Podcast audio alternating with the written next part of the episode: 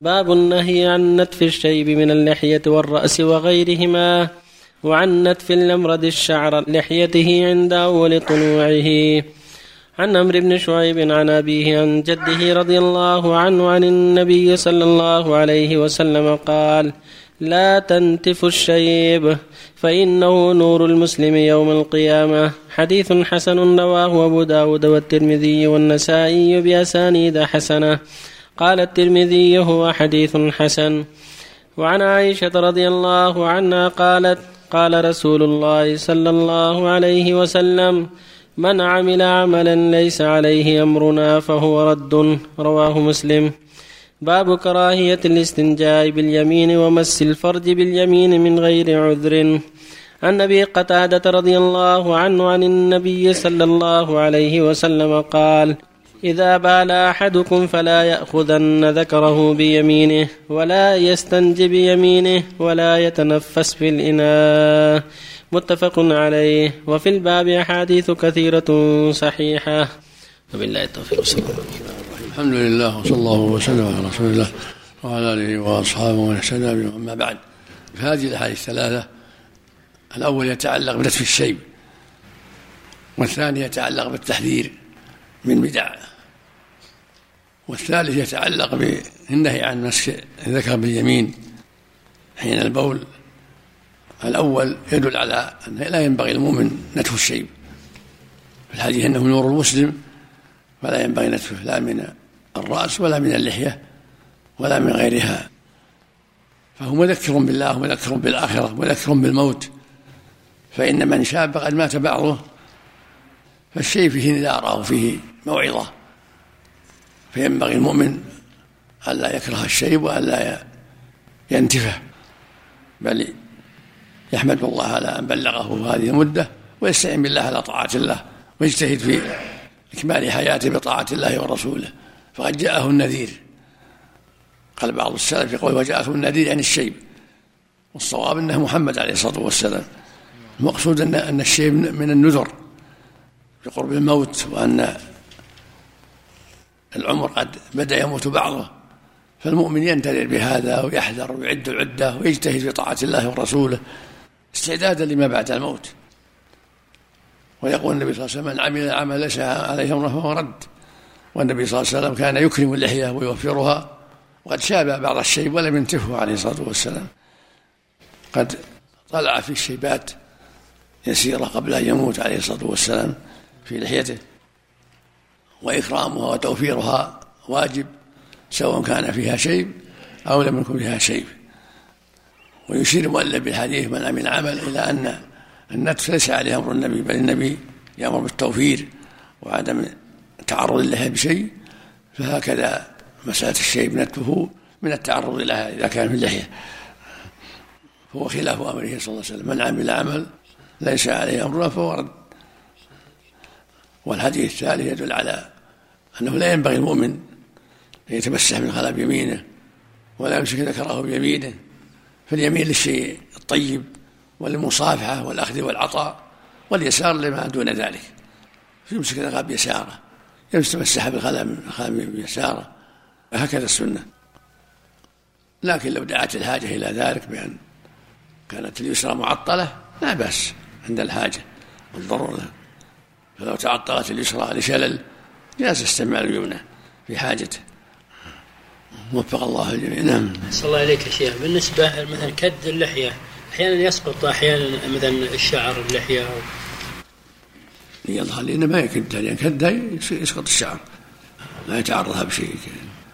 ما تكد أحسن إليك؟ ما هو بالله. كدها يفضي إلى قطع شعر كثير. ما ورد عن الرسول إنه يسرحها؟ ما أخبر في هذا شيء. ثابت بانه يتعرضها بشيء انما كان يعرفها بالماء. المعنى البدعة يا شيخ. نعم. المعنى البدعة بدعة الحدث في الدين. إحداث العبادة ما شرعها الله. قال لها بدعة كل بدعة شيء عبادة ما شرعها الله.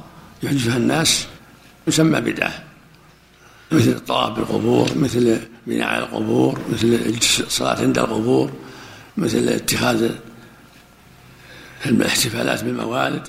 نويت أن أصلي نويت أن كثير من البدع يا شيخ صلى الله عليك. بالنسبة ل- أحيانا مثلا يرى أحد مثلا شيبات باللحية وكذا وهو صغير بالسن وكذا يسأل يقول مثلا كيف جاك وكذا مثلا وأنت صغير السن؟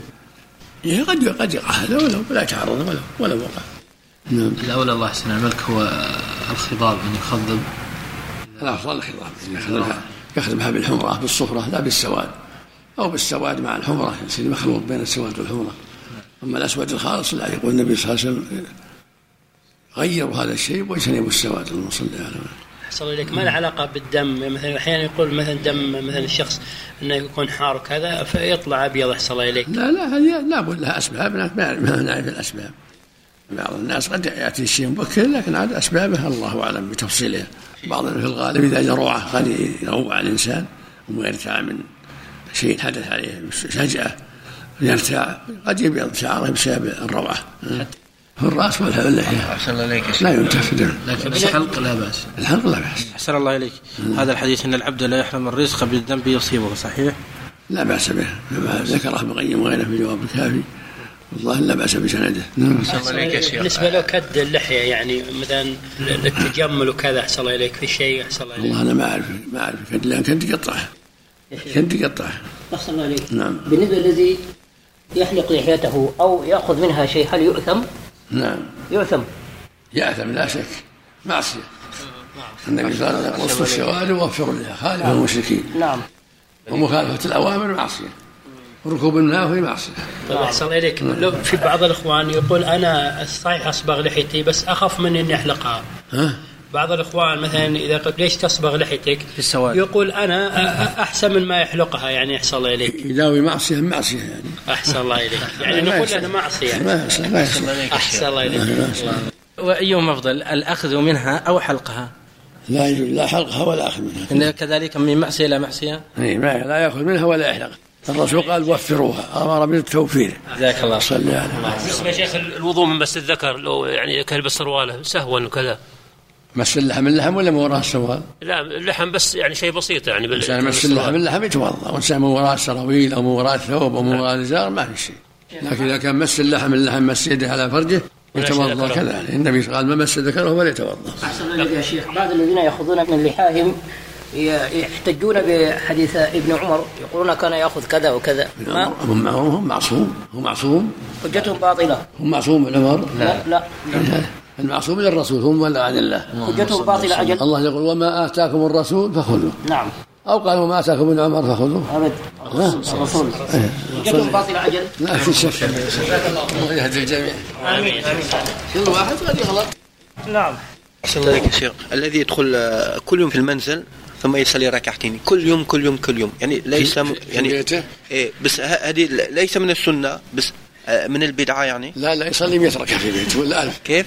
يصلي ألف ولا 100 ما يخالف. يعني ليس من البدعة. لا لا يصلي ما شاء في بارك البيت يكثر ويكثر لكن وقت النهي الله يسلمك وقت لكن مو بعد العصر ولا بعد الفجر. لا. هو في أوقات النهي. بعد ارتفاع الشمس وقبل العصر من الضحى والظهر والليل كله.